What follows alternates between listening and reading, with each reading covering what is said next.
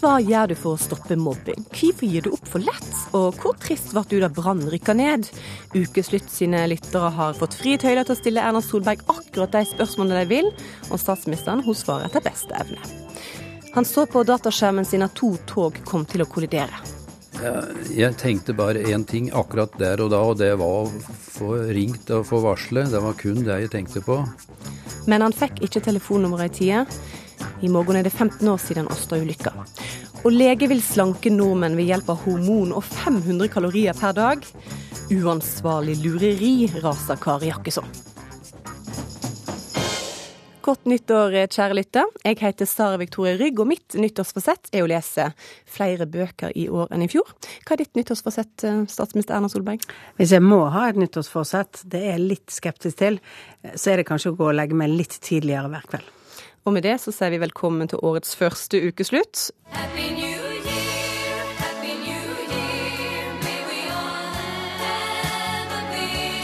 vet at jeg har utviklet en av de beste egenskapene jeg mener jeg har, og det er evnen til å legge ting bak meg og fortrenge det. Og Derfor gidder jeg aldri å se så mye tilbake på hva vi har gjort feil. Du blir en veldig dårlig leder hvis fokuset ditt alltid er på historien og ikke fremover. Legge ting bak meg, og så gå videre. Vi er som eh, statsminister Erna Solberg befaler. Vi legger 2014 bak oss, og så ser vi framover. Nytt år, nye muligheter, Erna Solberg? Ja da, det er det alltid, og det er alltid viktig å huske at hver ny dag gir nye muligheter. Og eh, det er viktig å bruke tiden sin på hva du kan gjøre noe med, og ikke hva, du, hva som er gjort feil, eller hva som, eh, som har skjedd tidligere. Vi har bedt Ukeslutt sine lyttere om å sende inn spørsmål til deg. Det er det veldig mange som har gjort, og det er vi glade for. Vi skal eh, etter hvert ta eh, opp eh, spørsmålsbollen og, og, og trekke spørsmål derfra. Men, men, før vi slipper lytterne til, så tenkte jeg at vi kunne snakke litt om framtida, nemlig 2015. Mm. Hva blir din største utfordring som sjef for Norge i 2015? Den økonomiske utviklingen kommer til å være den største utfordringen vårt i 2015, 2016 og fremover.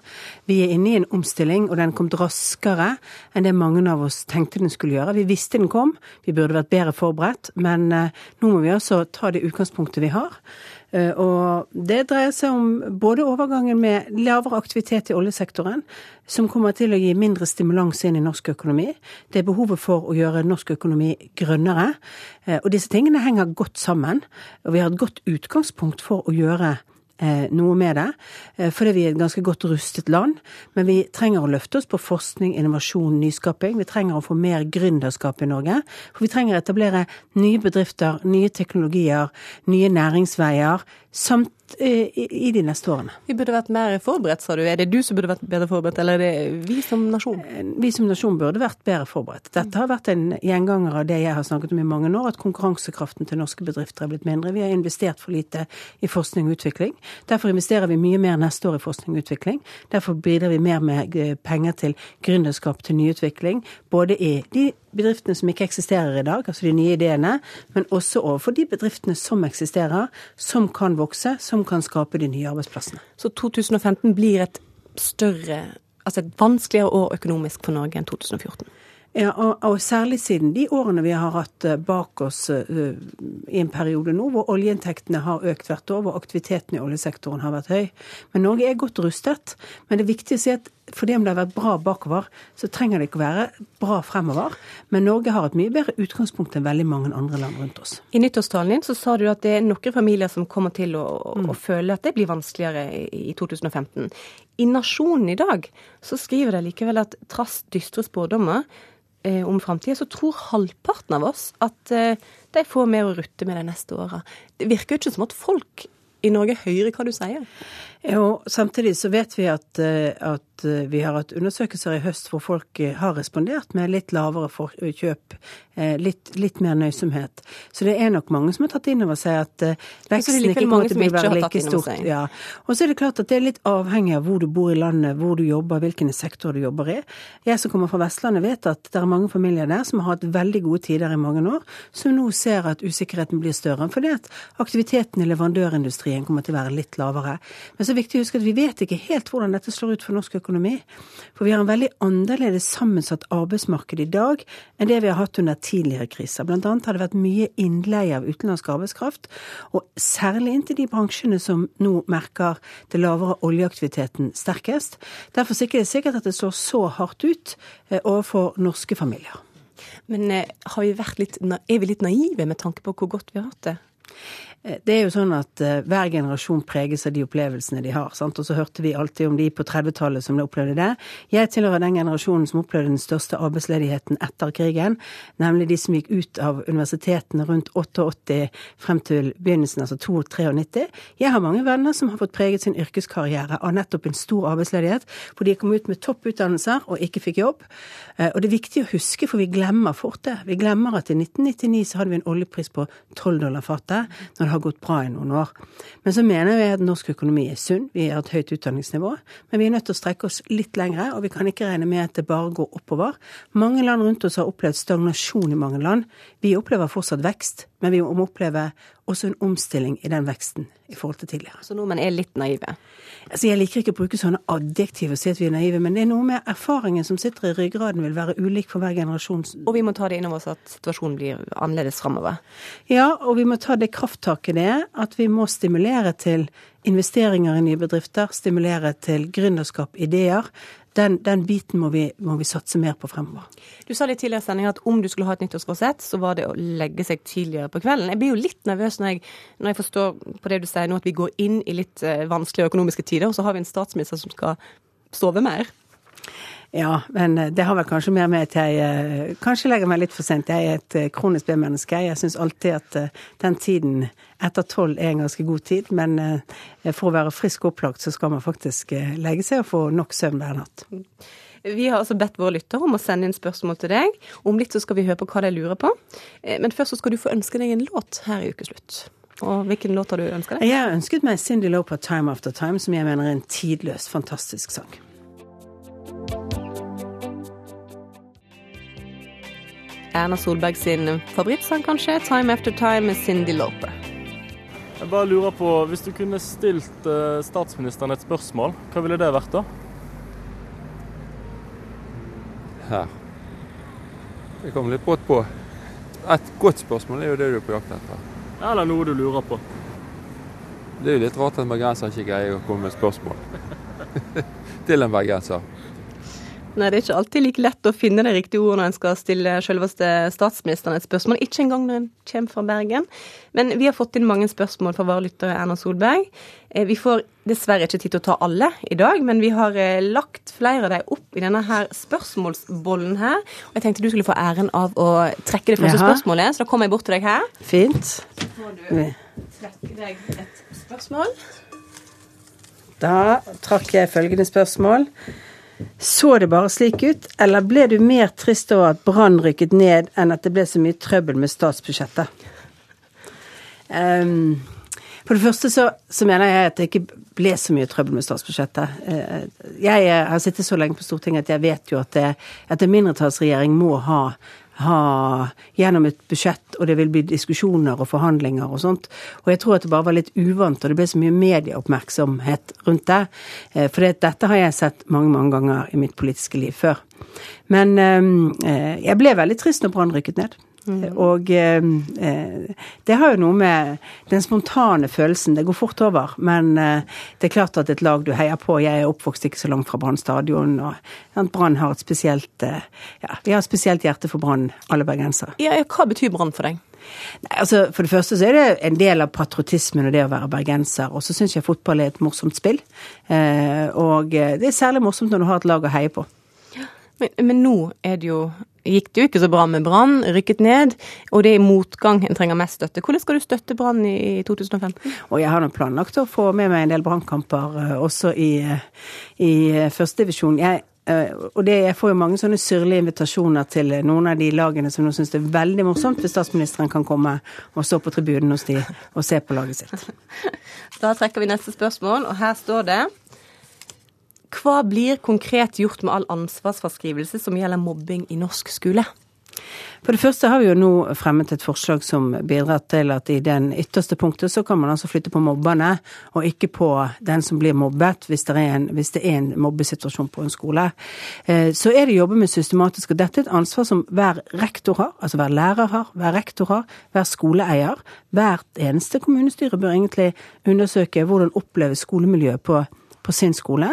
Og så må jo vi stille til ansvar også det sentralt fra i de forventninger vi har.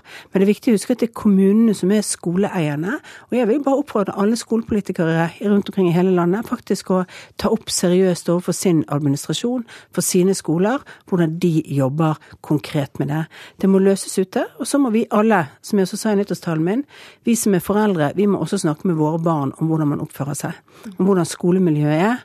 Om de ser at andre blir mobbet. At de har et ansvar, ikke bare for å la være å mobbe, men faktisk faktisk for å gripe inn hvis noe sånt skjer. Både du og kongen tok opp mobbing i nyttårstalen, og det har mange andre gjort før dere. Du trakk fram historien om Odin, som 13 år gammel tok sitt eget liv etter mange år med mm. mobbing. Han sa det nytter ikke å si mm. fra, for ingen gjør noe uansett. Ja. Når blir vi kvitt mobbing? Jeg tror at dette er noe vi må slåss med hele tiden. Ehm, eh, det er, det er nok en del av menneskets natur å av og til hakke på andre. Eh, og gjøre det systematisk. Det vel, vi skaper ikke et samfunn som er fritt for det en gang for alle. Dette er noe som må gjøres hver eneste dag. Det må gjøres med hver en eneste generasjon med barn som vokser opp.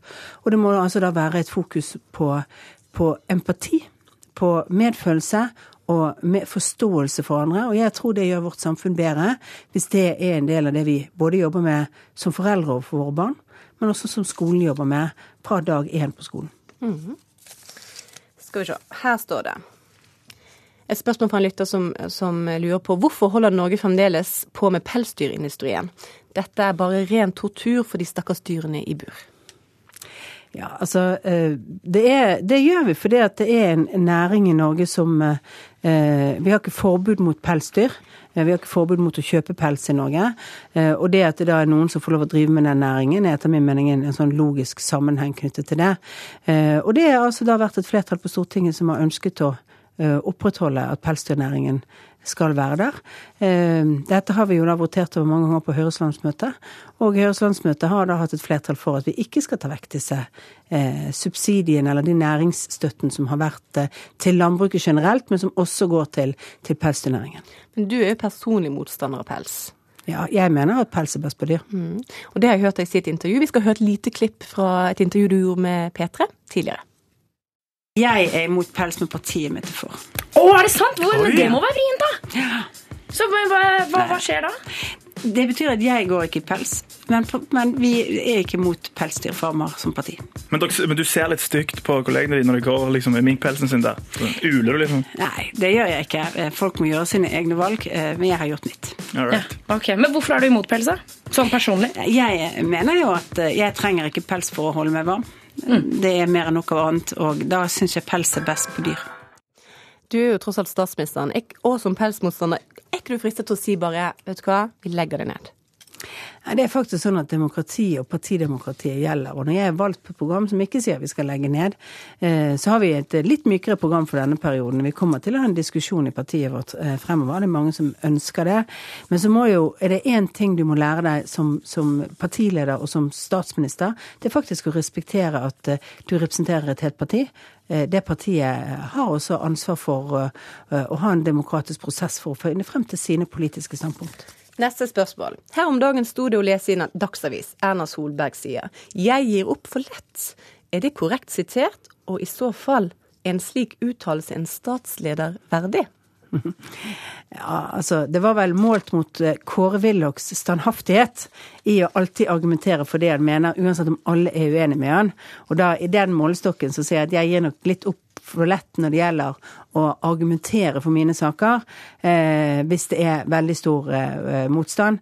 Eh, og, eh, men det er kanskje sånn at eh, man må argumentere lenge, lenge, lenge for at folk på en måte skal få med seg og forstå og ta med seg hva jeg sammenhengen i det man sier. Det er vel det resonnementet den setningen dreier seg om. Opp av eh, spørsmålsbollen har jeg trukket et spørsmål som jeg føler trengs litt sånn bakgrunnsstøy for at vi skal virkelig sette oss inn i, i stemninga. Se for deg at du er i et uh, fint middagsselskap. Uh, rundt bordet går samtalen lett. Dere har spist god mat, du har hørt et par taler. Og her kommer spørsmålet.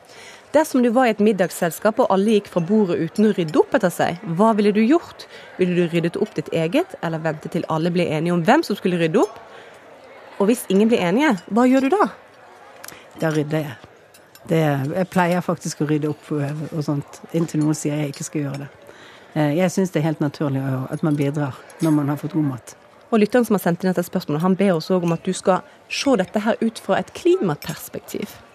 Er du, like, er du og Norge like flinke til å rydde opp uh, når det jeg gjelder klima? Skal, jeg mener skal, vi skal betale for de forurensningene vi har. At forurenser betaler er et viktig prinsipp. Det er også et viktig prinsipp at vi skal være føre var. Det betyr at vi skal, selv om ikke alt er 100% sikkert, så skal vi faktisk eh, ta som utgangspunkt at det er verre å ikke gjøre noe. Derfor mener jeg at vi gjør mye, men vi kan gjøre mer. Og det skal vi gjøre i årene fremover. Jeg mener jo at vi har lagt et bedre grunnlag med det statsbudsjettet som nå ligger, enn det vi har hatt tidligere. Vi bidrar nå til at folk kan eh, få støtte til å energiøkonomisere husene sine. Eh, vi, bidrar eh, med bedre utbygging av kollektiv, jernbane. Mye vi gjør som kommer til å bidra til at utslippene skal bli mindre i årene fremover. Så du rydder opp av deg? Uansett både miljø og, og rundt middagsbordet? Ja, men så respekterer jeg at vi, vi, vi trenger også å finne de nye miljøteknologiene. Og derfor er jeg så opptatt av at det henger sammen med grønn omstilling og den økonomiske omstillingen vi står overfor. Vi kunne holdt det gående med spørsmål hele dagen, Erna Solberg, men tida går dessverre fra oss. Og takk for dine svar, og takk for lytterne for eh, spørsmål. Og så lurer jeg på om jeg har hørt noen rykter om at du liker Prince? Veldig. Da kjører vi i gang en låt uh, fra Prince, nemlig 1999. Og så får du ha et riktig godt 2015. I like måte.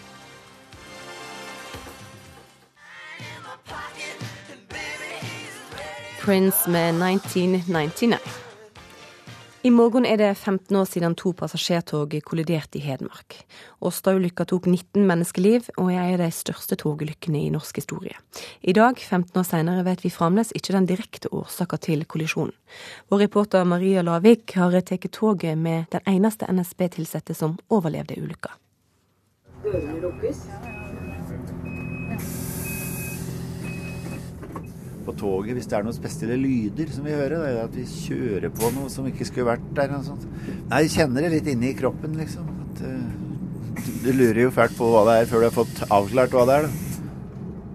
Jan Anders Arneberg kikker ut togvinduet. Utenfor suser det flate Hedmarklandskapet forbi. Se på kilometer. Vi får en kilometermerke her nå. 179. Det er fire kilometer igjen. Til der det smalt, da. 58-åringen med det lune smilet er konduktør, og han har overlevd tre togulykker. Nei, det er jo ikke til å kjenne seg igjen sånn som det var, men du ser her at de så hverandre ikke så lenge. Nå fant vi ut at de kunne se hverandre i fire sekunder før det smalt. Da. Men de skjønte sikkert ikke hva de så, de heller. da. For det er sånn som ikke skulle skje. Så. Han husker best Årstad-ulykka. Det var en kald tirsdag 4.1.2000, og Jan Anders var på jobb på Rørosbanen. Jeg begynte foran med billettkontroll og kom bakover. Så kom jeg til en mann som jeg hadde, eller en gutt som hadde lovt vann. Men det hadde jeg glemt, da. Og så gikk jeg i bakre vogn på kjøkkenet, det var et lite sånn kjøkken der, og som jeg henta opp i kjøleskapet. To vannbeger for å gå tilbake til han, men akkurat når jeg var innpå der, så smalt det. Her er NRK Dagsnytt med en ekstrasending. To tog har kollidert på Rørosbanen like nord for Elverum i ettermiddag. Ulykken skjedde ved Åsta stasjon i Åmot kommune i Hedmark. Jeg våkna bare opp med at dattera mi skrek. Laila Kessa tok toget sammen med dattera Sara. Da jeg våkna, så satt hun på utsida av toget. Og du var inne i toget? Ja, jeg lå på kne. Hva var det første du tenkte når du våkna og du ser at dattera di er utafor togvinduet i går? At jeg måtte få henne løs. Hun satt fast med beinet under toget. Men uh, hun skrek jo så fælt òg, så hadde vondt i foten. Så jeg fikk gravd henne løs, og så kom de engelskmennene hjalp oss opp. Ja, noen engelske passasjerer? Ja. De tok henne med opp, uh, opp til veien, og så kom jeg etter. Det kom en mann og hjalp meg ut. Laila og Sara satt i den fremste vogna i det sørgående toget fra Trondheim til Hamar. I kollisjonen ble vogna deformert og vridd sammen 180 grader. Ti passasjerer i denne vogna omkom. Um, jeg så ikke så mye annet enn der som vi satt, og der var det ikke så veldig mye plass igjen. Og over hodet på meg satt ei dame fast. Hun satt fastklemt mellom fire seter. Men hun levde? Ja, hun levde da, men hun kom seg ikke ut. Hvordan så hun ut? Det husker jeg ikke. Jeg vet bare det var ei litt eldre dame. Snakka du med henne? Jeg sa jeg skulle gå ut og finne noen som kunne komme og hjelpe henne. Men eh, når jeg kom ut, så var flammene så langt over taket at ingen kunne gå inn. Sara var bare tre år da ulykka skjedde. Dattera mi nekta å prate, og hun prata ikke før hun så tanta si. Og prata hun litt, og så eh, klamra hun seg bare fast til meg.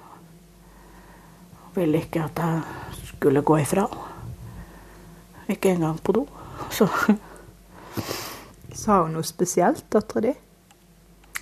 Ikke noe annet enn at hun sa til tanta si at toget var slemt og kasta henne ut. Du visste at mange kom til å dø? Ja. Hvorfor det? Nei, Jeg så jo den vogna som var først. da, Den var jo bøyd, og det brant, og folk satt fastklemt der. da. De satt fast, fire stykker der. Som jeg, men da trøsta jeg dem og sa at der kommer, der kommer lensmannen i Åmot og to brannkonstabler. Så da kommer hjelp, altså. Hvordan, eh, hvordan var de som satt fast, de fire du snakka med? Hvordan virka de? Virka ja, positive, altså. Egentlig. De holdt på å si de trodde på meg. Men det viser seg i etterkant at to, to av dem ikke, ikke klarte seg. Beina hadde visst gått igjennom gulvet. Den vogna var jo helt bøyd som en U. Dette. Ja, jeg tenkte bare én ting akkurat der og da, og det var å få ringt og få varsle. Det var kun det jeg tenkte på. Fra kontrollrommet på Hamar hadde togleder Jon Arne Nybakken sett at to tog var på kollisjonskurs. I mellomtida så hadde jo kollegaene mine da prøvd å få uh, skaffe de rette numra, og det fikk jeg. Men da var det, da var det sein, for seint. Da var det gjort. Han har tenkt mye på at han aldri rakk å varsle de to toga. Nei, jeg tenkte jo, har jeg gjort noe feil? Det var liksom det en begynner å tenke på da. Er det min feil, dette her? Men eh, jeg følte meg som ikke så høy i hatten når folk så på meg og jeg var ute, på, ute i byen og folk så meg, så eh, følte jeg kanskje at de tenkte noe om meg. Uten at noen har sagt noe gærent til meg. Hva viser hva viser du meg nå? Det jeg viser deg nå, er den skjermen som toglederen hadde når han fikk beskjed om at nå er det to, er det to tog på kollisjonskurs. Vibeke Groth leder kommisjonen som gransker Åstad-ulykka. Hun var med på å reinvaske toglederen. Den eneste meldingen han fikk, var den lille røde meldingen du ser der, som altså er én centimeter høy, kanskje. Eh, det var ingen lyd, ingenting. Og han hadde også andre baner han skulle følge med på. Og på den andre banen han fulgte med på, så skjedde det en masse ting. Telefonnumra til de to ulykkestoga lå på pulten framfor Jon Arne Nybakken. Men det hadde han aldri fått beskjed om. Vi fikk jo loggen fra telefonen eh, han hadde mens han lette febrilsk etter telefonnumrene til de to eh, togførerne. Det var særlig sydgående tog han ønsket å få kontakt med. Og hvordan altså han pustet, og hvordan du, du, altså Det var så dramatisk å bare høre på det. Det var vondt, altså, selv når du sitter og vet at nå skjer det snart. Nå skjer dette fryktelig snart. For vi hørte det jo i ettertid. Men han hadde det grusomt mens han arbeidet som en gal for å prøve å forhindre dette som han så at kom til å skje. Hadde det vært andre eh, sikkerhetsrutiner der som hadde gjort at man både hadde fått kontakt, altså en togradio som man i dag har, eller en togstopp som gjør at togene automatisk stopper når de er på kollisjonskurs, så ville jo ikke dette skjedd. Så dette er ei ulykke som kunne blitt unngått? Ja, det mente vi. Det mente vi absolutt. Da ankom vi Hamar straks. Det er Hamar, og det er plattform på venstre side. Jan Anders Arneberg har overlevd tre togulykker. Etter den siste ulykka i 2011 vurderte han å slutte i jobben som konduktør. Men jobben betyr for mye til at han klarer å slutte. Framtida, det er jo Etter Åstadlykka så har jo det gått 15 år, så det, det har jo gått bra, det. Jeg har fått en par barnebarn og stortrives med det. Jeg har igjen fire år her på jernbanen før jeg kan, kan gå av. Så det har gått bra med meg. Du hører på Ukeslutt i NRK P2. Hold fram med det og hør at det er ikke din skyld at du er tjukk. Det sier lege som vil slanke nordmenn ved hjelp av hormoner og fem epler om dagen. Lureri. Det eneste som hjelper er å droppe rullekaka, svarer sint Kari Jakkesson. Og han gikk fra å være rusmisbruker til å bli årets Oslo-borger, og så tilbake igjen til rusmisbruker.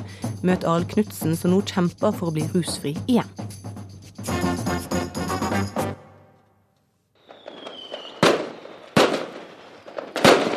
Da fyrverkeriet gikk i luft, lufta og klokka tikka mot 2015, så var du kanskje en av veldig mange som lagde et nyttårsforsett. Kanskje sa du til deg sjøl at i år skal jeg trene mer og kanskje slanke meg litt. I så fall er du ikke alene. Og da passer det jo bra at treningssentre reklamerer for harde livet, og at avisene er fulle av overskrifter som 'Slik kvitter du deg med julefettet'. Denne veka kom en ny slankebok på markedet. Ved hjelp av et hormon og bare 500 kalorier om dagen, så skal folk gå ned i vekt. En metode som er svært omstridt, og som har ført til debatt. Lege og forfatter av boka 'Det er ikke din skyld at du er tjukk', Siri Aabel, forklar oss hva denne slankemetoden går ut på. Altså det med årsaken, Boken heter jo 'Det er ikke din skyld at du er tjukk'. Og da jeg skjønte det, når jeg fant denne metoden og skjønte at det er faktisk ikke vår skyld, så fikk jeg jo en eh, veldig god følelse i meg. og fikk lyst til å dele det med andre. Og årsaken, det viser seg jo at det sitter et, det er et organ i hjernen som vi ikke har kontroll på, som heter hypotalamus. Og for å gjøre det helt enkelt, så kan man si det er tre knapper oppi der. En knapp for eh, blodtrykket, en knapp for respirasjon, eller pusten, og så en knapp for forbrenningen av fett. Og det ser ut til at det er en svikt i biokjemien. altså den, den, delen av forbrenningssystemet går i stå. Sånn at det utløser da en feil fordeling av fett i kroppen. Og dette skjedde med meg når jeg var bare åtte år. Så jeg har skjønt at det fins en metode da, som er effektiv til å få den forbrenningsknappen på igjen. Og det er denne metoden som heter HCG-metoden. Da tar den som skal gå ned i vekt, et hormon som endrer denne her eh, knappen oppi hodet, kan du si. Ja. Veldig enkelt. Og det er jo en veldig veldig liten dose av et hormon som alle har i kroppen fra før. Det trigger den hypotalamus-knappen, slik at fettforbrenningen kommer i gang. Men forutsetningen er jo at man da også samtidig går på en lavkalori. Ja, og det er bare 500 kalorier om dagen. Ja. Det er lite. Det er veldig lite mat. Og mange tenker jo at herregud, hvordan skal jeg klare meg gjennom det? Men det, det magiske er jo da at man faktisk ikke blir slapp og sulten og gretten. Og man må heller ikke trene og få blodsmak i munnen på et treningsstudio for å, å, å gjennomføre kuren. Kari Jaksson, du har eh, slanka og trent mange nordmenn opp gjennom åra. Hva, hva, tenker du om denne her metoden? Jeg vet ikke hvor jeg skal begynne en gang. Uh, dette er uh, svada fra ende til annen. Dette er bare tull. Vel, noe av det er jo sant. Altså Hvordan hjernen fungerer, kan man selvfølgelig si at noe, det, det er jo ikke feil, men det er satt inn i feil sammenheng. Uh, så jeg får begynne med begynnelsen. Det, I det hele tatt, det å snakke om skyld i overvekt, det er jeg enig i, det er bare tull. Skyld er et veldig negativt ladet ord. Men overvekt er et resultat av måten man lever på. Med noen få unntak hvor man har stoffskifteforstyrrelser. Der jeg syns det er mer enn betenkelig at en som innehar tittelen lege, bruker eh, en hel bok på og vel, ser det ut som, jeg har bare blandet igjen som sagt, på udokumenterte, ikke faktabaserte påstander. Og eh, så vidt jeg vet, så har du heller ikke lenger lov til å skrive ut dette hormonet, og har fått refs fra, fra etisk råd eh, allerede pga. andre ting. Men dette føyer seg pent inn i rekken av det jeg har lest meg på Siri Obel til nå. Ja, Siri Obel, du har, eh, Dette er en omstridt slankekur. Du har fått, eh, du er blitt klaga inn til Statens helsetilsyn, og du har ikke lenger lov til å skrive ut dette hormonet som skal endre denne knappen oppi i hodet. Mm. Likevel så anbefaler du metoden. Hvorfor gjør du det? Jeg har jo selv vært overvektig store deler av livet, og jeg har forsøkt dette selv. Jeg har kjent det på kroppen, og jeg har gjort en grundig undersøkelse. Det har tatt syv år, helt siden jeg første gangen hørte om metoden. Og boken min handler om også den forskningen som ligger til grunn. folk, ikke bare overvektige, men leger fra hele verden reiser til steder og klinikker hvor de vet at denne metoden praktiseres, og de går ned i vekt, og det virker. Så den egenerfaringen jeg har, og med de 82 pasientene som i alle år har gjort alt riktig, sånn som Kari sier, de har trent, de har spist riktig, de har telt kalorier, men de går opp igjen i vekt etterpå.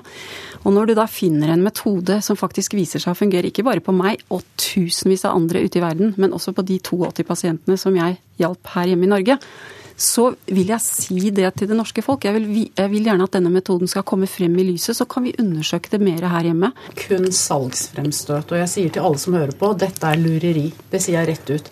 Selvfølgelig går man ned i vekt hvis man lever på 500 kalorier. Ja, hva er det, det egentlig? Fem epler? Det er fem store epler. Ja. Men dette funker ikke i lengden. og Det er helt uinteressant å si jeg har gjort dette, dette virker på meg, derfor skal jeg skrive en bok. Det er mulig du har 82 pasienter som har gått ned i vekt. Det kan hvem som helst som promoterer forskjellige slanke kurer, fremvise.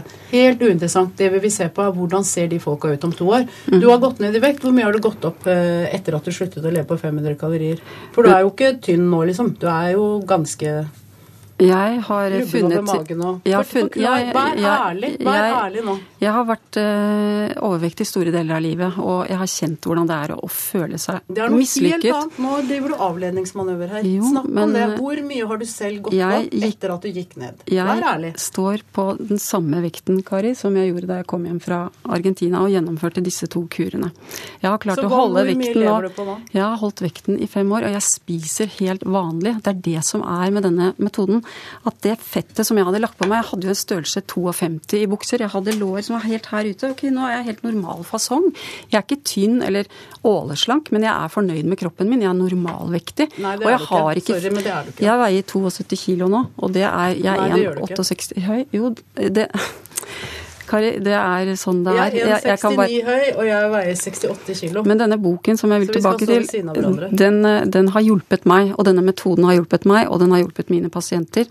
Og jeg ønsker å, å fremme budskapet for at de overvektige skal få en sjanse til å oppleve dette. Det er så mange som går rundt og bare håper på at det ligger en kiste på havets bunn med hemmeligheten, det magiske. Og man snakker om fett på kroppen som om det er et resultat av en defekt. Det er ikke en defekt. Det er ikke noe galt med en kropp som lagrer fett. Det er ikke en feil. Det er ikke en sykdom. Det er ikke en skade. Mat du ikke har brukt opp ennå, lagres i kroppen som fett. Fantastisk. Og det å prøve å finne andre årsaker og jeg vet ikke, hemmelige stråler fra verdensrommet eller hva den måtte være, er bortkastet tid. Det eneste man oppnår, er kortvarig eufori, og så kommer man tilbake til akkurat der man var, eller mer. Det er gjort metaanalyser på alle typer eh, dietter. Alt fra de helt eh, merkelige, rare greiene à la dette, til sunne sjankeklubb med ordentlig mat osv. Etter to år så har alle gått opp like mye i vekt. Vet du hva? Hvis du bare legger fra deg all søken etter mirakelet, etter det hemmelige enzymet som ingen har oppdaget ennå, så slutter du å slite ut hjernen min med det. Slutter du å surfe Instagram og nett og alt etter hemmeligheten med stor H. Da får du masse ekstra energi til å forandre din egen livsstil litt og litt. Og når det kommer slike kvakksalvere med bøker som dette her Du kjenner det i margen. Dette kan ikke stemme. Det er tull. Ikke kast bort pengene dine. Det er det jeg sier. Jeg var veldig skeptisk selv også. Jeg, jeg, måtte vite at det fantes en metode der ute som gjorde at jeg ikke ble slapp og sur og sulten. Og alle de gangene jeg har prøvd nettopp Karis metode, kalorier inn, kalorier ut. Jeg har vært veldig glad i å trene. Jeg har vært kjempeopptatt av å spise sunt. Jeg har gjort alt det riktige. Men det har ikke fungert for meg. Så eh, når jeg da fant denne metoden og, og skjønte at det er faktisk ikke min skyld. For jeg har trodd det i 50 år. Så er det veldig mange pasienter som kjenner seg igjen i nettopp ja, dette. Og de burde gå til psykolog. Men du kan jo fortelle hvorfor du ikke får lov å skrive ut dette hormonet lenger? De har også gått til psykolog, de har gått til treningsveileder. De har prøvd alt, akkurat som meg. Been there, done that, got a T-shirt. Men ikke lenge Men, nok, da. da altså, hva, jeg vet ikke om 50 år er ganske lenge. Jeg har vært på min første slankekur som tiåring. Det du prøver å si, er at hele det medisinske, seriøse miljøet har holdt dette hemmelig da, for folk. Er det det du prøver å si? Kan ikke du svare på det? Og så hvorfor du ikke lenger får lov til å skrive ut dette hormonet. Det kan du jo fortelle om. Eh, det har ikke vært hemmelig. Denne metoden har vært, eh, har vært der ute. Det andre er den advarselen som jeg har fått av Helsetilsynet, beror på en misforståelse. Og de som ønsker å gå inn i den debatten eller å se hva som skjedde, de kan lese om det i boken. Jeg har et eget kapittel som handler om forskning, dokumentasjon og også om advarsel i detalj. Den medisinen er ikke farlig. Og det, det, så jeg jo på meg selv. Altså, jeg har jo aldri trodd at jeg kunne gå ned Du kan ikke bruke deg selv som eksempel jo, og anbefale en metode for folk flest. Det går ikke an. Det er helt useriøst. Og det stemmer ikke overens i det hele tatt med det å være lege som skal drive evidensbasert opplysning og arbeide. Dette funker ikke, sier du. Hva funker da? Til det kjedsommelige. Det er det å finne en balanse mellom inn og ut, og ikke minst da se litt på måten man lever livet på. For det er jo veldig enkelt, men når vi står der da og er litt irritert og frustrert, så virker det så lurt å spise den rullekaken fra i går. Og da har man fått i seg mye ekstra. Dropp rullekaka. Takk til deg, Kari Oksan, og takk til deg, Siri Aabel. Because you know I'm all about that bass.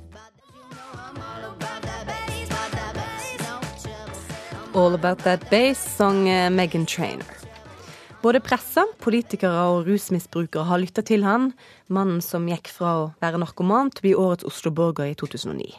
Mange ble derfor svært overraska da Arild Knutsen i romjula sto fram og fortalte at han var innlagt på en avrusningsinstitusjon i Bergen etter 17 rusfrie år. Ukeslutt dro på besøk til Arild Knutsen. behandlingsinstitusjonen fra innsiden.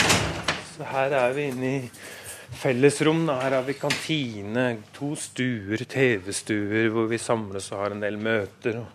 Her ser du det er bordtennis og biljard. Det er ingen som kan spille bordtennis som folk som har vært i behandling eller i fengsel. På en avrusningsinstitusjon i Bergen viser Arild Knutsen meg rundt. Som alltid iført en poncho med hette. Han er prisvinner, samfunnsdebattant, foreningsleder og tidligere narkoman en forkjemper for en mer human ruspolitikk. Men i midten av november, etter 17 rusfrie år, gikk han på en stor smell og måtte legge seg inn på avrusning igjen. Det har resultert i mye oppmerksomhet den siste uken. Mange som sier at du har blitt så kjent, og er ikke det gjevt? Det er jo ikke det. Hadde jeg vært en artist eller skuespiller, så hadde det vært gjevt. Så jeg har lyst til å drukne i mengden og få lov til å konsentrere meg om behandlingen min. da.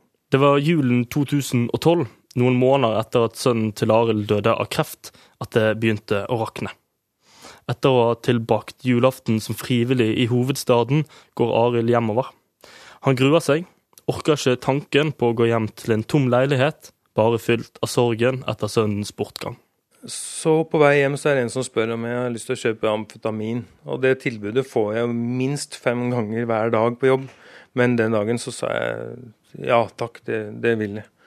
Og så hadde jeg en runde, og så Men da møtte jeg kjærligheten min, og da gikk det veldig fort over. Men så begynte det etter hvert å gå galt igjen, og så gikk det fryktelig galt nå i høst.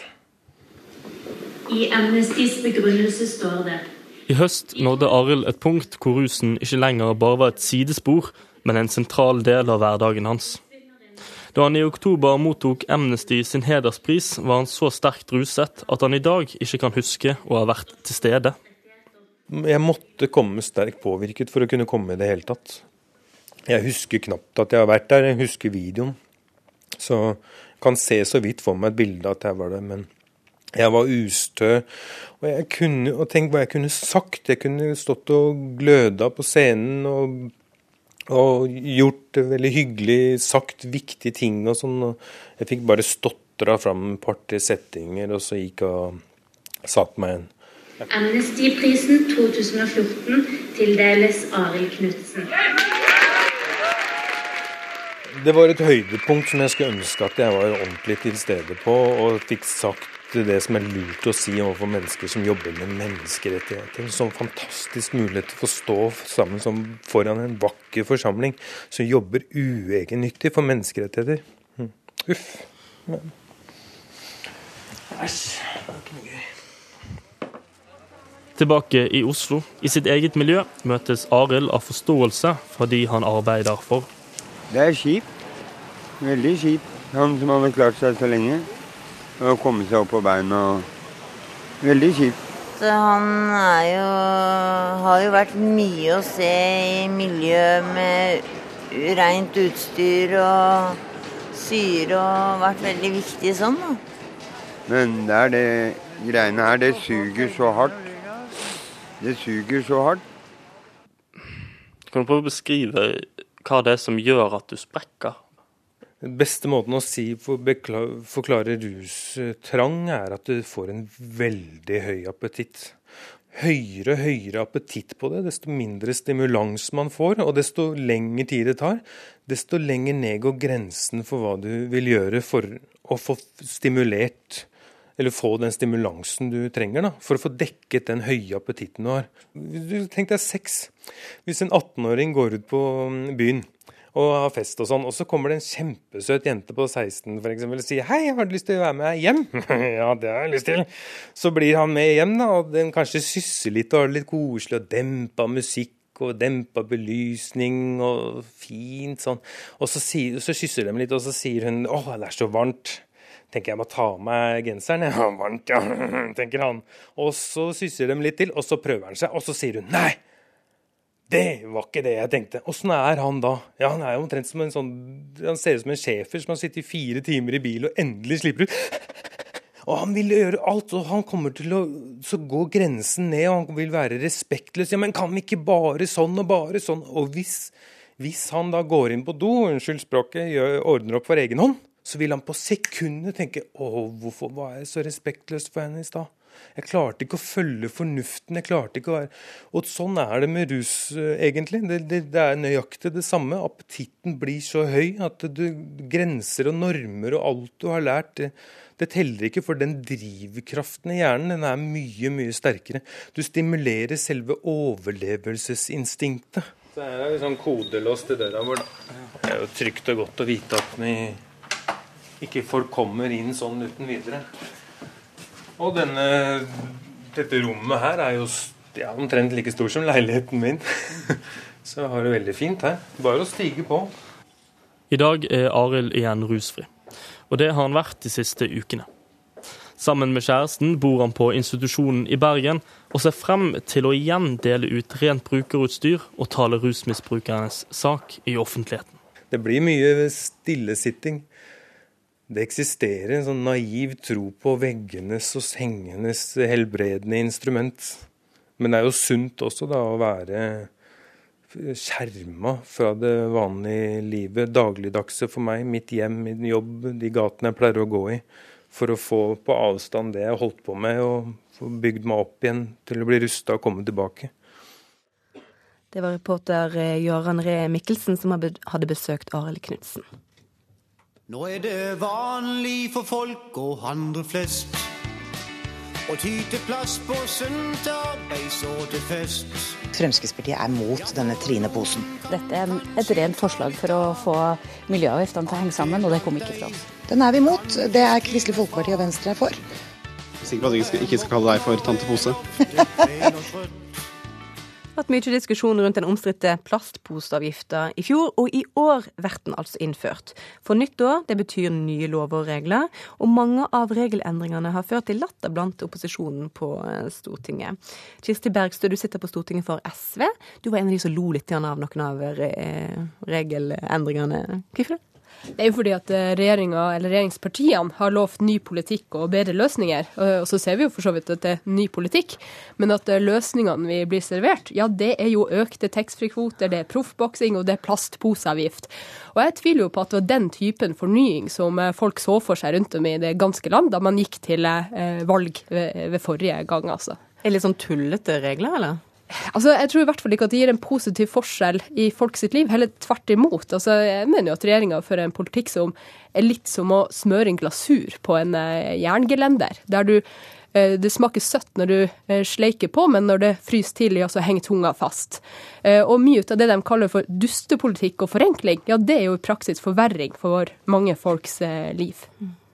Stortingsrepresentant for Høyre, Tina Bru. eh, Dere forverrer folks liv, sier Bergstø her. Hva sier du til det?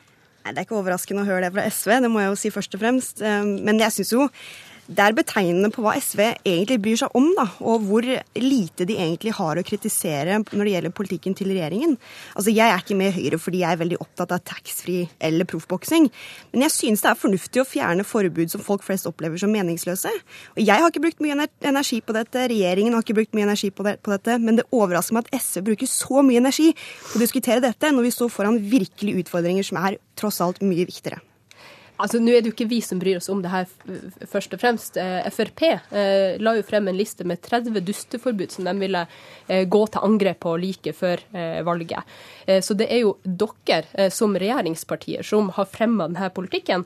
og så mener jo vi at det aller verste det er jo at dere driver og sparker vekk grunnen som folk står på, ved å gå løs på arbeidsliv og velferd. Og så prøver man å strø litt sukker på med å si at man skal få billigere båtmotor og, og, og billigere campingvogner og, og taxfree sprit.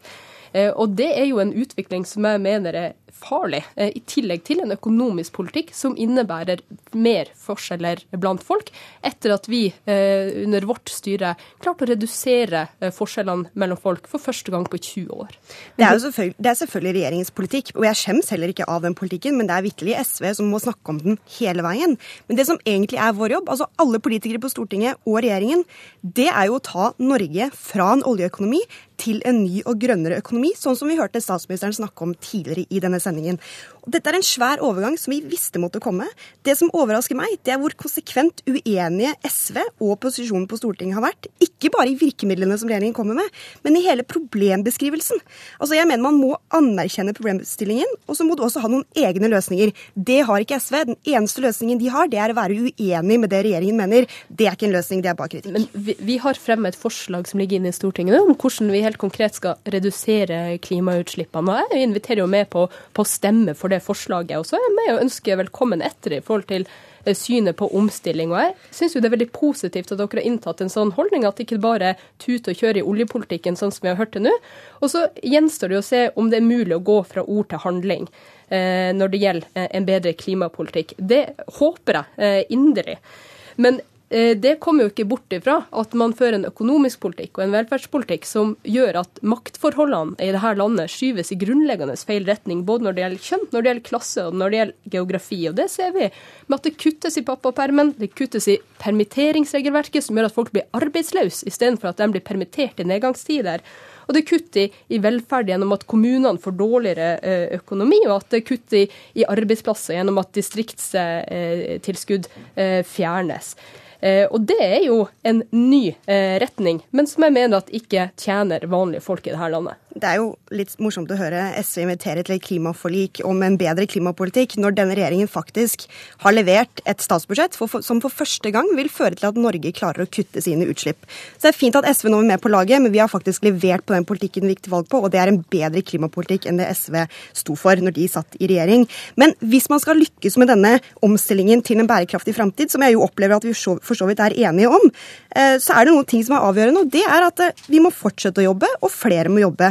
Og Det er nettopp derfor regjeringen styrker arbeidslinja, og vi gir et mer fleksibelt arbeidsliv, sånn at flere kan få en fot inn i arbeidslivet. Det er helt avgjørende. Jeg hører at det politiske engasjementet ikke er roligere i 2015 enn 2014. Eh, Kirsti Bergstø, du snakka litt om de her tullete lovforslagene som, du snakker litt om. Hva tror du blir det neste litt sånn snodige forslaget fra regjeringa? Altså det jeg frykter mest, det er jo det de kaller for tulleforslag, eh, eller tulle-dusteforbud med søndagsåpne butikker, som jeg mener faktisk er veldig viktig. Og jeg tror at det skal være, man skal like å kjøre Segway ganske godt for at det skal demme opp for å jobbe helg etter helg etter helg og være borte fra ungene sine og fritida si. Takk til deg, Kirsti Bergstø, og takk til deg, Tina Bru. Til slutt er over for i dag. Elisabeth Onsum, Finn Lie, Lars Christian Rød og Sara Victoria Rygg takker for seg. Og vi ønsker alle sammen en riktig god helg.